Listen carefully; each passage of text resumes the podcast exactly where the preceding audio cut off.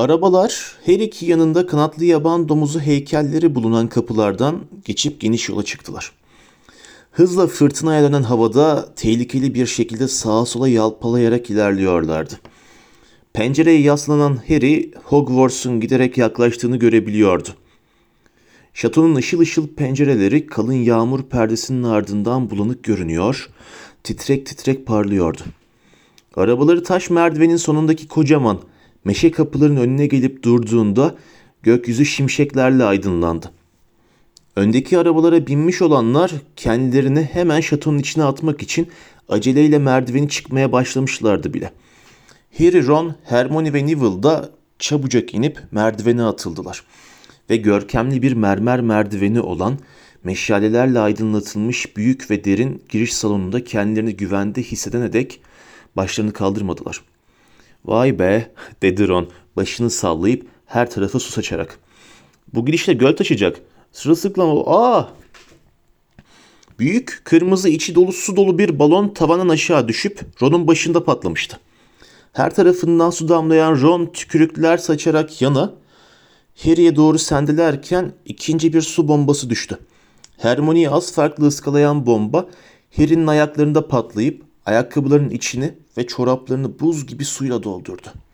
Çevrelerindeki insanlar feryat figan bağırmaya ve ateş hattından çıkabilmek için birbirlerini iteklemeye başladılar.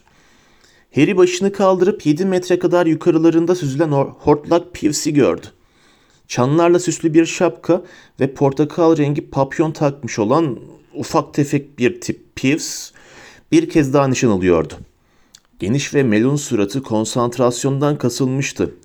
Pivs diye gürledi kızgın bir ses. Pivs derhal aşağı in. Müdür yardımcısı ve Gryffindor binası sorumlusu Profesör McGonagall büyük salondan fırlayıp gelmişti. Islak zeminde kaydı ve yere düşmemek için Hermione'nin boynuna tutundu. ''Aa özür dilerim Bayan Granger.'' ''Ziyan yok profesör.'' dedi soluğu kesen Hermione boynunu ovarak. Profesör McGonagall sivri uçlu şapkasını düzeltip kare çerçeveli gözlüğünün ardından yukarı bakarak ''Peeves hemen aşağı in.'' diye bağırdı. ''Bir şey yapmıyorum ki.'' diye kikirledi Peeves. Beşinci sınıftan birkaç kızın üstüne bir su bombası bıraktı. Kızlar çığlık çığlığa büyük salona daldılar. Zaten ıslaklar öyle değil mi? Veletler sizi. Viyu! Ve elindeki bombayla henüz içeri girmiş olan bir grup ikinci sınıf öğrencisine nişan aldı. Müdürü çağırırım diye bağırdı Profesör McGonagall. Seni uyarıyorum Peeves. Peeves dil çıkardı. Elindeki son su bombasını havaya fırlattı ve mermer merdivenden yukarı süzülüp deli gibi kikirdeyerek gözden kayboldu. Profesör McGonagall sert bir ses tonuyla ''Haydi bakalım yürüyün'' dedi. İliklerine kadar ıslanmış kalabalığa. ''Büyük salona haydi.'' Harry, Ron ve Hermione giriş salonunda kayarak, patinaj yaparak ilerleyip sağ taraftaki çifte kapıdan girdiler. Ron sırılsıklam saçlarını yüzünden çekerken öfkeli öfkeli mırıldanıyordu. Ders yılı başlangıcı şöleni için dekore edilmiş olan büyük salon her zamanki gibi muhteşemdi. Altın tabaklar ve kadehler, masaların üstünde havada süzülen yüzlerce mumun ışığında parıldıyordu. Upuzun dört bina masası sohbet eden öğrencilerle doluydu. Salonun sonundaki beşinci masada ise yüzleri öğrencilere dönük öğretmenler oturuyordu. Burası çok daha sıcaktı. Harry, Ron ve Hermione Slytherin'leri, Ravenclaw'ları ve Hufflepuff'ları geçip salonun en ucundaki Gryffindor masasına. Gryffindor hayaleti neredeyse kafasız Nick'in yanına oturdular. İnci gibi beyaz ve yarı saydam olan Nick her zamanki yeleğini giymişti. Ama bu gece kıyafetine hem merasim havası versin hem de yarısı kesilmiş olan boynunun üstündeki başının fazla sallanmasını engellesin diye büyük bir yakalılık eklemişti. İyi akşamlar dedi onlara gülümseyerek. Kim demiş dedi Harry. Spor ayakkabılarını çıkarıp içlerindeki suyu boşaltarak. Umarım seçme işini çabucak halledirler. Açıktan midem kazınıyor. Yeni öğrencileri binalara ayırmaya yarayan seçme her okul yılının başında yapılırdı. Ama bir talihsiz şartlar silsilesi sonucunda Harry kendininkinden beri hiçbir seçmeye katılamamıştı. Başlamasını dört gözle bekliyordu. Tam o sırada masanın öbür ucundan heyecandan soluk soluğa bir ses yükseldi. Selam Harry. Seslenen 3. sınıf öğrencisi Colin Creevy'ydi. Harry onun gözünde bir kahramandı. Merhaba Colin, dedi Harry yorgun bir şekilde. Harry bil bakalım ne oluyor, bil bakalım Harry. Kardeşim okula başlıyor, kardeşim Deniz. Şey, ne güzel, dedi Harry. Gerçekten çok heyecanlı, dedi Colin. Adeta yerinde hoplayıp zıplayarak. Umarım Gryffindor'a seçilir. Dua et olur mu Harry? Şey, peki olur, dedi Harry. Hermione, Ron ve neredeyse kafasız Nick'e döndü. Kardeşler genellikle aynı binayı seçiliyor değil mi? dedi. Bunu yedi Weasley kardeşin de Gryffindor'a seçilmiş olmasına dayanarak söylüyordu. Yo, ille de öyle olmuyor, dedi Hermione. Parvati Patil'in ikizi Ravenclaw'da, tek yumurta ikizi üstelik. Normalde aynı binada olmalarını beklerdin değil mi? Harry öğretmenler masasına baktı. Masada her zamankinden fazla boş sandalye var gibiydi. Elbette Hagrid hala birinci sınıflarla birlikte gölden geçmeye çalışmakla meşguldü. Profesör McGonagall herhalde giriş salonunun yerlerinin kurutulmasına nezaret ediyordu. Ama bir boş sandalye daha vardı ve Harry başka kimin eksik olduğunu çıkaramıyordu. Kendi de öğretmenlere bakmakla meşgul olan Hermione, karanlık sanatlara karşı savunma dersinin yeni öğretmeni nerede? dedi. Şimdiye kadar 3 sömestrden fazla dayanan bir karanlık sanatlara karşı savunma öğretmenleri olmamıştı. Harry'nin favorisi açık arayla Profesör Lupin'di. O da geçen yıl istifa etmişti. Harry öğretmenler masasına göz gezdirdi. Masada kesinlikle yeni bir yüz yoktu. Belki de birini bulamamışlardır, dedi Hermione kaygıyla. Harry masayı daha dikkatlice gözden geçirmeye başladı. Muska öğretmeni ufak tefek Profesör Flitwick. Bitki bilimi öğretmeni Profesör Sprout'un yanında bir yastık yığının üstünde oturuyordu. Yumuşak gri saçının üstünde şapkası yan yatmış Profesör Sprout, astronomi bölümünden Profesör Sinistra ile konuşuyordu. Profesör Sinistra'nın öbür tarafında soluk tenli, kanca burunlu, yağlı saçlı iksir öğretmeni Snape vardı. Harry'nin Hogwarts'ta en az sevdiği kişi oydu. Harry'nin Snape'e duyduğu tiksintiye denk olabilecek tek şey ise Snape'in ona duyduğu nefretti. Bu nefret geçen yıl daha da artmıştı. Tabii böyle bir şey mümkünse. Harry Sirius'un Snape'in o koca burnunun dibinden kaçmasına yardım etmişti. Snape ile Sirius öğrencilik günlerinden bu yana birbirlerine düşmandılar. Snape'in öbür yanında boş bir sandalye daha vardı. Harry bunun Profesör McGonagall'a ait olduğunu tahmin ediyordu. Onun yanında masanın tam ortasında okul müdürü Profesör Dumbledore oturuyordu. Uzun, gümüş rengi saçıyla sakalı mum ışığında parlıyordu. Ve muhteşem koyu yeşil cübbesinde çok sayıda yıldız ve ay işlemesi vardı. Dumbledore'un uzun ve ince parmaklarının ucu birbirine dokunuyordu. Ve çenesini parmakların üstüne yaslamış. Başını yukarı kaldırmış. Dar çerçeveli gözlüğünün ardından düşüncelere dalıp gitmişçesine tavana bakıyordu. Harry de gözlerini tavana kaydırdı. Dışarıdaki gökyüzünü gösterecek şekilde büyülenmiş olan tavanı hiç bu kadar fırtınalı görmemişti. Kara ve mor bulutlarla doluydu. Dışarıdan bir gök gürültüsü daha gelirken tavanda çatal biçiminde bir şimşek parladı. Haydi acele edin diye inledi Ron Harry'nin yanında. O kadar açım ki bir hipogrif bile yiyebilirim. Laflar tam ağzından çıkmıştı ki büyük salonun kapıları açıldı. Ortalığa sessizlik çöktü. Profesör McGonagall birinci sınıflardan oluşan uzun bir sırayı salonun başına doğru getiriyordu. Harry, Ron ve Hermione de ıslaktılar gerçi ama onların durumu bu birinci sınıftakinin yanında hiç kalırdı. Gölü kayıkla değil de yüzerek geçmiş gibi görünüyorlardı. Öğretmenler masasına doğru ilerleyip yüzlerini öğrencilere döndüklerinde hepsi de soğuktan ve heyecandan tir tir titriyordu. Biri hariç. Harry grubun en ufak tefeği olan kurşuni saçlı erkek çocuğun Hagrid'in köstebek derisi paltosunu giymiş olduğunu gördü. Palto ona öyle büyük gelmişti ki körüklü siyah bir sirk çadırına sarılmış gibiydi. Paltonun yakasından fırlamış küçük yüzü neredeyse acı verecek derecede heyecanlı görünüyordu. Dehşet içinde görünen arkadaşlarına katıldığında gözü Colin Creevy'yi buldu. İki baş parmağını havaya kaldırdı ve ses çıkarmadan dudaklarıyla göle düştüm dedi. Bundan büyük keyif almış gibi bir hali vardı. Profesör McGonagall birinci sınıfların önüne üç bacaklı bir tabure koydu. Ve onun üstüne de son derece eski, kirli ve yamalı bir büyücü şapkası yerleştirdi. Birinci sınıflar şapkaya baka kaldılar. Ötekiler de öyle. Kısa bir sessizlik oldu. Sonra şapkanın kenarına yakın bir yerde ağza benzeyen uzun bir yarık açıldı.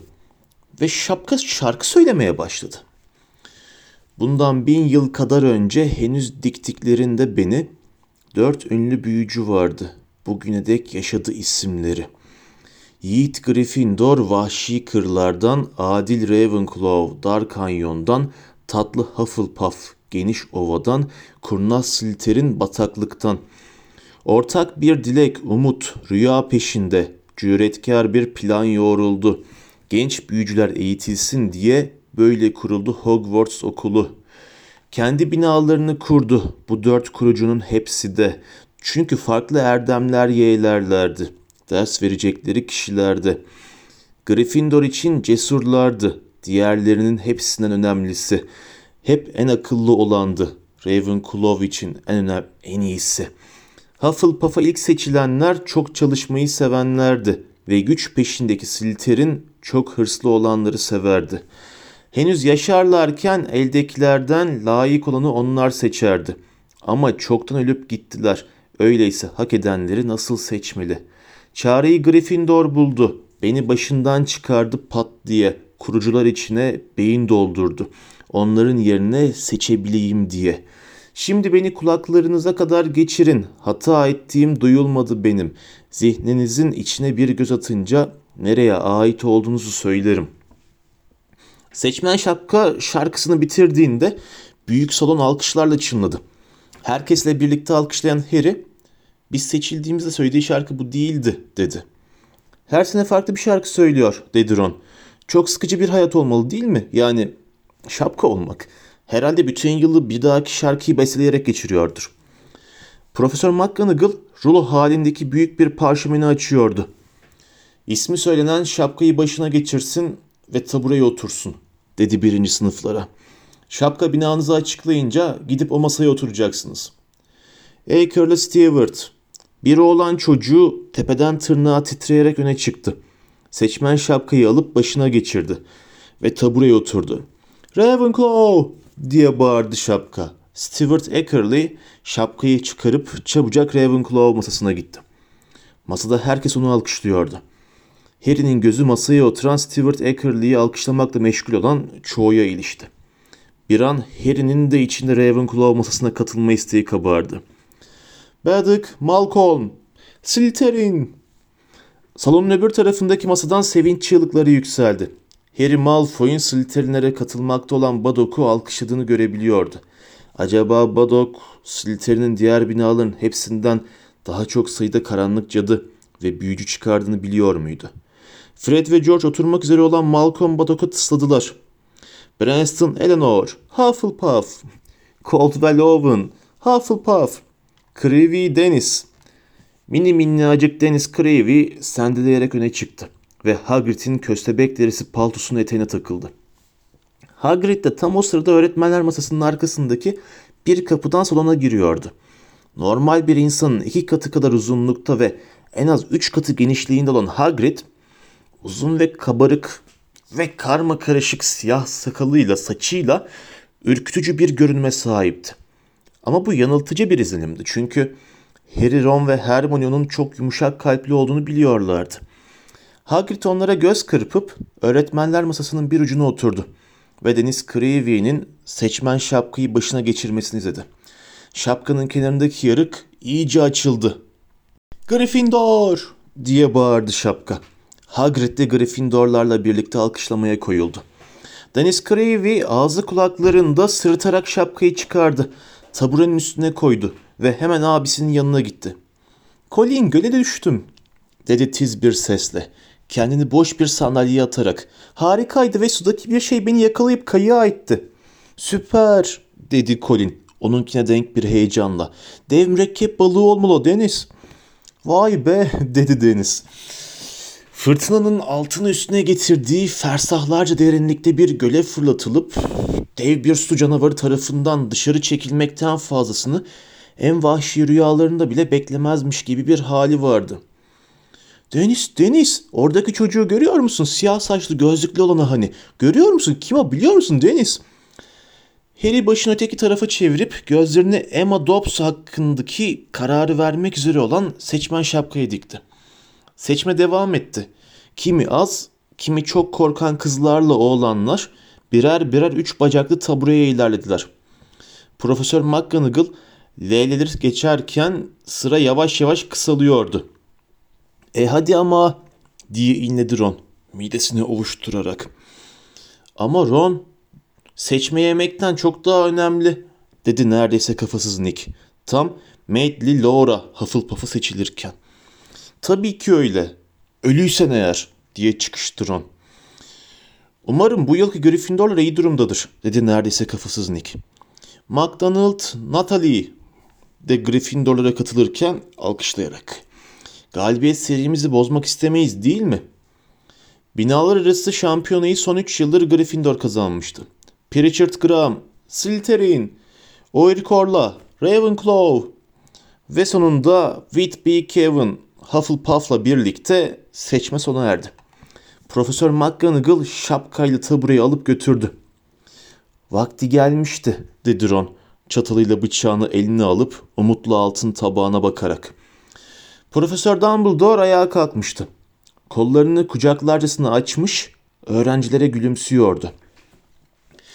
Size tek bir kelime söyleyeceğim, dedi. Sesi salonda yankılanarak. Yumulun. Emredersiniz, emredersiniz, dedi Harry ve Ron yüksek sesle. Boş tabaklar gözlerin önünde sihirli bir şekilde doldu. Harry, ve Hermione tabaklarını doldururlarken neredeyse kafasız Nick'in kederli bir hali vardı. Ha şöyle dedi Ron ağzı patates püresiyle dolu bir halde. Bu akşam şölen yapılabildiği için şanslısınız dedi neredeyse kafasız Nick. Mutfakta bir sorun çıkmıştı. Niye? Ne olmuş? dedi Harry bifteğinden iri bir lokma alarak. Neredeyse kafasız Nick. Pierce tabii ki dedi ve başını iki yana salladı. Başı tehlikeli bir şekilde sağa sola yattı. Yakalığını boynunun biraz daha yukarısına çekti. Her zamanki tartışma işte. Şölene katılmak istedi ki bu olacak iş değil. O nasıldır bilirsiniz. Medeniyetle alakası yoktur. Ne zaman bir yemek tabağı görmüş tutup fırlatmamış. Bir hayaletler konseyi topladık. Şişman keşiş ona bir şans tanıma taraflısıydı ama kanlı baron bana sorarsanız akıllıca bir tutumla yumruğunu masaya vurdu. Kanlı baron Slytherin hayaletiydi. Gümüşi kan lekeleriyle kaplı zayıf ve sessiz bir hayaletti.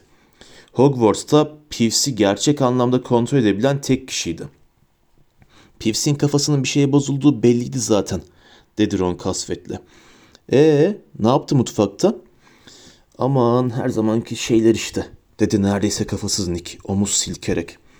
Çevreyi birbirine kattı. Ortalığın altını üstüne getirdi. Tavalar, tencereler her tarafa saçıldı. Mutfak çorba içinde yüzmeye başladı. Evcinleri akıllarını oynatıyorlardı. Çilink, Hermione altın kadehini devirmişti. Bal kabağı suyu masa örtüsünün üzerinde gittikçe daha da yayılıyor, metrelerce beyaz örtüyü turuncuya boyuyordu. Ama Hermione'nin buna dikkat ettiği yoktu. Burada evcinleri mi var? dedi. Neredeyse kafasız Nick'e dehşet dolu gözlerle bakarak. Burada, Hogwarts'ta. Elbette, dedi neredeyse kafasız Nick. Onun tepkisine şaşırarak. Sanırım İngiltere'de sayıların en yüksek olduğu yer burası. Yüzden fazlalar. Ben bir tane bile görmedim, dedi Hermione. Ee, gündüz vakti mutfaktan pek ayrılmıyorlar ne de olsa, değil mi? dedi neredeyse kafasız Nick. Geceleyin çıkıp biraz temizlik yapıyorlar.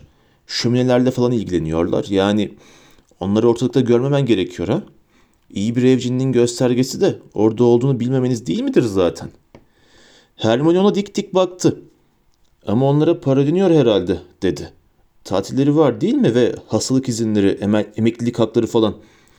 Neredeyse kafasız Nick öyle bir güldü ki yakalığı aşağı kaydı ve başı yana düşüp onu hala boynuna bağlamakta olan 2 santimlik deri ve kasın ucunda sallanmaya başladı. Hastalık izni ve emeklilik hakkımı dedi. Başını yeniden omuzlarının üstüne yerleştirip bir kez daha yakalığıyla destekleyerek. Evcinleri hastalık izni ve emeklilik hakkı istemez ki. Hermione başını öne eğip pek ağzına dokunduğu yemeğine baktı. Sonra çatalıyla bıçağın üstüne koyup tabağı bir kenara itti. Haydi ama Hermione dedi Ron. Ağzından Harry'nin üstüne Yorkshire pudingi parçaları saçıldı yanlışlıkla. Amanam pardon Harry. Ağzındaki lokmayı yuttu. Kendini aşkını öldürerek onlara hastalık izni aldıramazsın. Köle yemeği dedi Hermione burnundan soluyarak.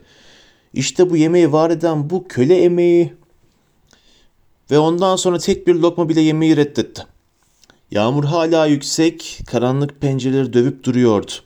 Pencereler yeni bir gök gürültüsüyle sallandı ve fırtınalı tavan ışıldayıp altın tabakları aydınlattı. Sıcak yemeler or- yemekler ortadan kaybolmuş, onların yerine anında pudingleri almıştı. Melas turtası Hermione dedi Ron, kokuyu kasten ona doğru üfürerek. Kuş üzümlü muhallebi bak, çikolatalı kremalı pasta. Ama Hermione ona Profesör McGonagall'ı öylesine andıran bir bakışla baktı ki Ron vazgeçti. Pudinglerin de altından girilip üstünden çıkıldıktan ve son kırıntılar da ortadan kaybolup tabaklar pırıl pırıl olduktan sonra Albus Dumbledore yine ayağa kalktı. Salonu dolduranların konuşmalarından kaynaklanan gürültü bir anda kesildi. Artık sadece rüzgarın uğultusu ve yağmurun camları dövmesi duyuluyordu. Evet, dedi Dumbledore herkese gülümseyerek. Şimdi hepimiz beslenip sulandığımıza göre, heh dedi Hermione. Bana bir kez daha kulak vermenizi istiyorum. Birkaç duyurum olacak. Hademimiz Bay Filch bu yıl şatoda yasak olan nesneler listesinin genişletildiğini ve listeye çığırtkan yoyoların, köpek dişli frizbilerin ve hep vuran bumerangların da eklendiğini size söylememi rica etti. Tam liste yanılmıyorsam 437 nesneyi içeriyor. İsteyen olursa Bay Filch'in odasına gidip listeye bakabilir. Dumbledore'un dudaklarının kenarları hafifçe kıvrıldı. Konuşmasına devam etti. Her zamanki gibi hepinize arazimizdeki ormanın bütün öğrencilere, Hogsmeade köyünün ise 3. sınıflardan küçük öğrencilere yasak olduğunu bir kez daha hatırlatmak istiyorum. Ayrıca bu sene binalar arası Quidditch kupasının yapılmayacağını da üzüntüyle açıklamak zorundayım. Ne? dedi Harry soluğu kesilerek. Dönüp Quidditch takımından arkadaşları Fred ve George'a baktı. Gözleri Dumbledore'da ses çıkarmadan dudaklarını oynatıyorlardı. Belli ki konuşamayacak kadar afallamışlardı. Dumbledore devam etti. Bunun nedeni Ekim'de başlayıp okul yılı boyunca sürecek ve öğretmenlerin vaktinin ve enerjisinin büyük bölümünü alacak olan bir etkinlik. Eminim hepiniz bu etkinlikten çok keyif alacaksınız. Size büyük bir zevkle bu yıl Hogwarts'ta ama tam o anda kulakları sağır eden bir gök gürültüsü duyuldu ve büyük salonun kapıları gümbürdeyerek açıldı. Kapıda bir adam duruyordu. Siyah bir seyahat pelerinine bürünmüş, upuzun bastonuna yaslanmıştı. Büyük salondaki bütün başlar tavanda ışıldayan şimşeğin bir anda aydınlattığı yabancıya çevrildi. Kukuletasını indirdi, uzun, kır düşmüş koyu gri saçlarını saldı ve öğretmenler masasına doğru yürümeye başladı. Her iki adımından birinde salonda tok bir takırtı yankılanıyordu. En baştaki masaya ulaştı. Sağa döndü ve ağır ağır topallayarak Dumbledore'a yöneldi. Tavanda bir şimşek daha ışıldadı. Hermione soluğunu tuttu. Şimşek adamın yüz hatlarını ortaya çıkarmıştı. Harry böyle bir yüz görmemişti hiç. Sanki insan yüzünün nasıl olması gerektiği konusunda çok az fikri bulunan, keski kullanmakta da pek yetenekli olmayan biri tarafından aşınmış tahtadan yapılmıştı. Derisinin her santimi yara izleriyle kaplı gibiydi. Ağzı çapraz bir keseye benziyordu. Burnununsa hatırı sayılır bir parçası eksikti. Ama adamı asıl korkutucu kılan gözleriydi. Bir tanesi küçük, karanlık ve boncuk gibiydi. Diğeri ise iri, madeni para kadar yuvarlaktı ve canlı bir elektrik mavişiydi. Mavi göz durmadan, hiç kırpılmadan hareket ediyor, normal gözden tamamen bağımsız bir şekilde yukarı aşağı ve yanlara doğru yuvarlanıyordu. Sonra birden tam arkaya doğru yuvarlandı, öyle ki gözün akını görebiliyorlardı. Yabancı Dumbledore'un yanına geldi. Yüzü kadar feci şekilde yaralı olan elini uzattı. Dumbledore da Harry'nin duyamadığı bir şeyler mırıldanarak onun elini sıktı. Sanki yabancıya bazı sorular soruyor, o da gülümsemeden başını sallıyor ve alçak sese cevap veriyordu. Dumbledore başını yukarı aşağı salladı. Ve eliyle adama sağ yanındaki sandalyeye oturmasını işaret etti. Yabancı oturdu. Yele misali koyu gri saçını yüzünden çekti. Bir tabak sosis alıp burnundan arta kalan parçaya kaldırdı ve kokladı. Sonra cebinden küçük bir bıçak çıkardı. Ucuna bir sosis geçirdi ve yemeye başladı. Normal gözü sosislerin üzerindeydi ama mavi gözü yuvasında fıldır fıldır dönüp duruyor, salonu ve öğrencileri kontrol ediyordu. Yeni karanlık sanatlara karşı savunma öğretmenimizi takdim edeyim, dedi Dumbledore neşeyle, sessizliğe doğru. Profesör Moody. Yeni personelin takdim edilince alkışlanması adettendi. Ama aynı anda ellerini çırpan Dumbledore ve Hagrid dışında Moody'yi kimse alkışlamadı. İkisinin alkışı sessizliğin içine sönük sönük yankılanıp çabucak kesildi. Diğerlerinin hepsi Moody'nin acayip görüntüsüne o kadar takılmıştı ki ona bakmaktan başka bir şey yapamıyorlardı. Moody mi? diye fısıldadı Harry Ron'a. Deli göz Moody mi? Hani babanın bu sabah yardım etmeye gittiği adam. Öyle olmalı diye fısıldadı Ron korku ve hayranlık dolu bir sesle. Ona ne olmuş diye fısıldadı Hermione. Yüzüne ne olmuş? Bilmiyorum diye fısıltıyla cevap verdi Ron Moody'den gözlerini alamayarak. Moody pek de sıcak olmayan bu karşılamaya karşı tamamen kayıtsız görünüyordu. Önündeki bal kabağı suyu sürahisine yüz vermeyip elini yine seyahat pelerine soktu. İçinden bir cep şişesi çıkardı ve büyük bir yudum aldı. İçmek için kolunu kaldırdığında pelerinin eteği yerden birkaç santim havalandı. Ve Harry masanın altında tahtadan oyulmuş bir bacakla onun ucunda pençeli bir ayak gördü. Dumbledore boğazını temizledi. Az önce söylediğim gibi dedi. Hepsi hala deli göz Moody'ye bakmakta olan öğrenci kalabalığına gülümseyerek. Önümüzdeki aylarda hayli heyecanlı bir etkinliğe ev sahipliği yapma onuruna erişeceğiz. Bu 100 yılı aşkın süredir düzenlenmiş bir etkinlik.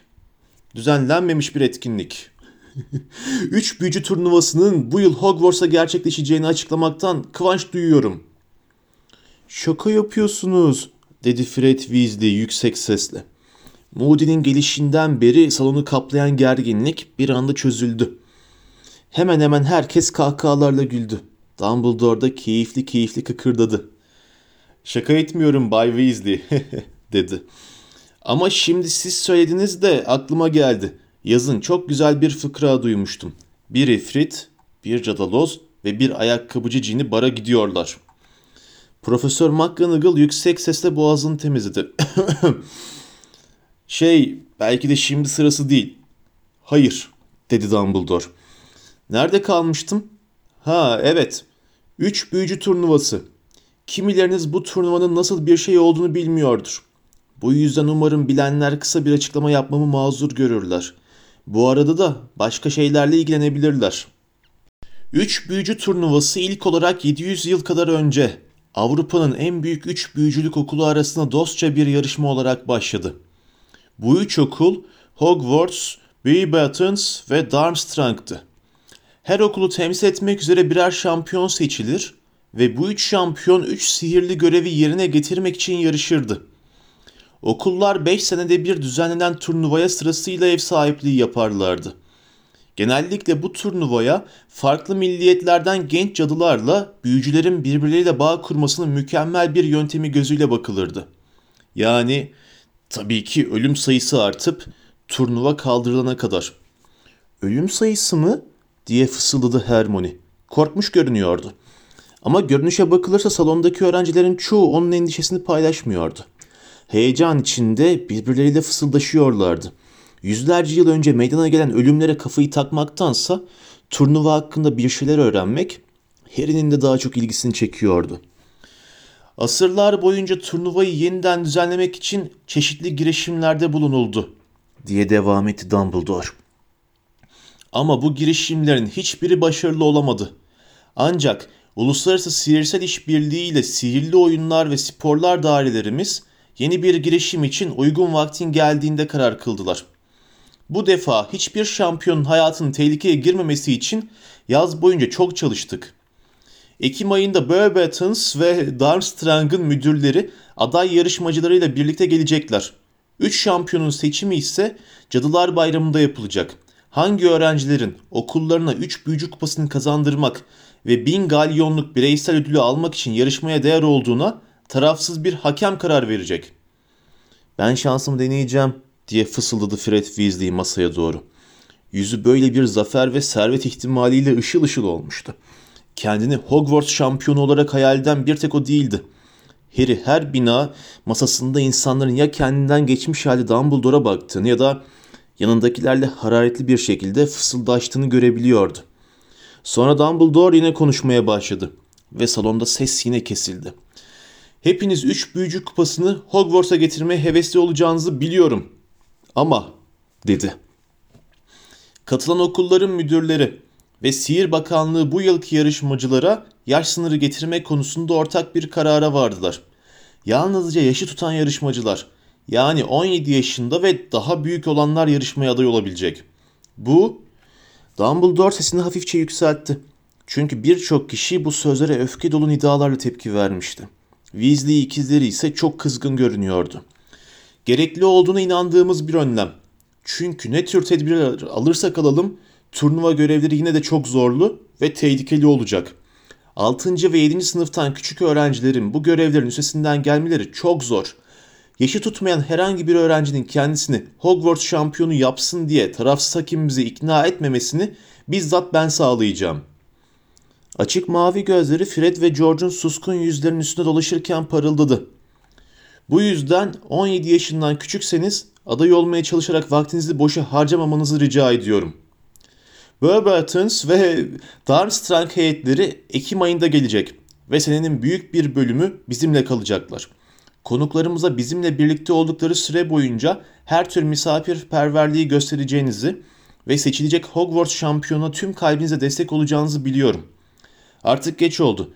Yarın sabah derslerinize girerken hepinizin dikkatli ve dinlenmiş olmasının ne kadar önemli olduğunu biliyorum. Uyku vakti. Haydi yatağa. Dumbledore yerine oturdu ve dönüp deli göz Moody ile konuşmaya başladı. Öğrenciler epey gıcırtı ve gümbürtü çıkararak masalarından kalktılar ve giriş salonuna giden çifte kapıya yöneldiler. Bunu yapamazlar, dedi George Weasley. Kapıya doğru ilerleyen kalabalığa katılmamıştı. Olduğu yerde durmuş Dumbledore'a bakıyordu. Nisan'da 17 yaşında olacağız. Niye bizim de şansımızı denememize izin verilmiyor? Benim girmemi engelleyemezler, dedi Fred inatla. O da masaya doğru dik dik bakıyordu. Şampiyonlar normalde izin verilmeyen bir sürü şeyi yapabiliyor. Bir de bin galyonluk ödül var. Evet, dedi Ron. Yüzünde dalgın bir ifade vardı. Evet, bin galyon. Haydi, dedi Hermione. Yürümezseniz burada bir tek biz kalacağız. Harry, Ron, Hermione, Fred ve George giriş salona doğru yürümeye başladılar. Fred ve George, Dumbledore'un 17 yaşından küçüklerin turnuvaya girmesini ne tür yöntemlerle engelleyebileceğini tartışıyorlardı. Şampiyonların kim olduğuna karar verecek şu tarafsız hakem kim? dedi Harry. Bilmiyorum dedi Fred. Ama kandırmamız gereken kişi o. Sanırım bir iki damla yaşlandırıcı iksir bu işin üstesinden gelir George. Ama Dumbledore o yaşta olmadığımızı biliyor dedi Ron. Evet ama sonuçta şampiyonun kim olduğuna karar veren o değil değil mi? dedi Fred kurnazca. Bana öyle geliyor ki hakem kimlerin girmek istediğini öğrendikten sonra her okulun en iyi olanını seçecek ve yaşlarının kaç olduğuna da aldırmayacak. Dumbledore isimlerimizi vermemizi engellemeye çalışıyor. Ama insanlar ölmüş, dedi Hermione kaygılı bir sesle. Bir duvar halısının arkasına gizlenmiş kapıdan geçip dar bir merdivenden yukarı çıkmaya koyuldular. Evet, dedi Fred ciddiye almayarak. Ama bu yıllar önce olmuş değil mi? Neyse zaten birazcık risk olmazsa işin tadı kalmaz. Hey Ron, de ki Dumbledore'u atlatmanın bir yolunu bulduk. Sen de katılmak ister misin?'' Ne dersin? dedi Ron Harry'e. Katılmak süper olurdu değil mi? Ama sanırım daha büyük birini isterler. Yeterince şey öğrendik mi bilmiyorum. Benim öğrenmediğim kesin dedi Neville Longbottom'un kasvetli sesi. Fred ve George'un arkasından. Ama herhalde ninem denememi isterdi. Bu oyunu aile şerefini ayakta tutmam gerektiği konusunda konuşup duruyor. Ben sadece ay Neville'ın ayağı merdivenin ortasındaki bir basamağa gömülmüştü. Hogwarts'ta bu tuzaklı merdivenlerden çok vardı. Yaşı büyük çoğu öğrenci için bu basamağı atlamak alışkanlık haline gelmişti ama Neville'ın hafızasının çok zayıf olduğunu herkes bilirdi. Harry ve Ron onu koltuk altlarından tutup çekerek kurtardılar. Bu sırada merdivenin tepesindeki bir şövalye zırhı gıcırdayıp tangır diyor, hırıltıyla kahkaha atıyordu.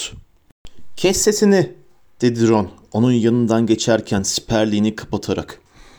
Gryffindor Kulesi'nin girişine geldiler. Giriş pembe ipek bir elbise giymiş şişman bir hanımın büyük portresinin arkasında gizliydi. Parola diye sordu yaklaşırlarken. Zırva dedi George. Alt katta bir sınıf başkanı söyledi. Portre öne doğru savruldu ve arkasında bir delik belirdi. Bu delikten yukarı çıktılar. Pofidik koltuklarla ve masalarla dolu daire biçimindeki ortak salonu çıtır çıtır yanan bir ateş ısıtıyordu. Hermione neşeyle dans eden alevlere karanlık bir bakış attı.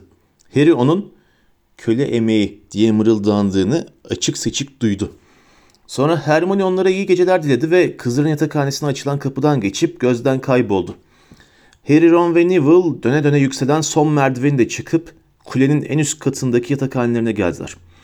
Koyu kırmızı perdelerle ayrılmış dört direkli beş yatak duvarının dibinde duruyordu. Her birinin ayak ucunda sahibinin sandığı vardı. Dean ve Seamus yatmak üzereydiler.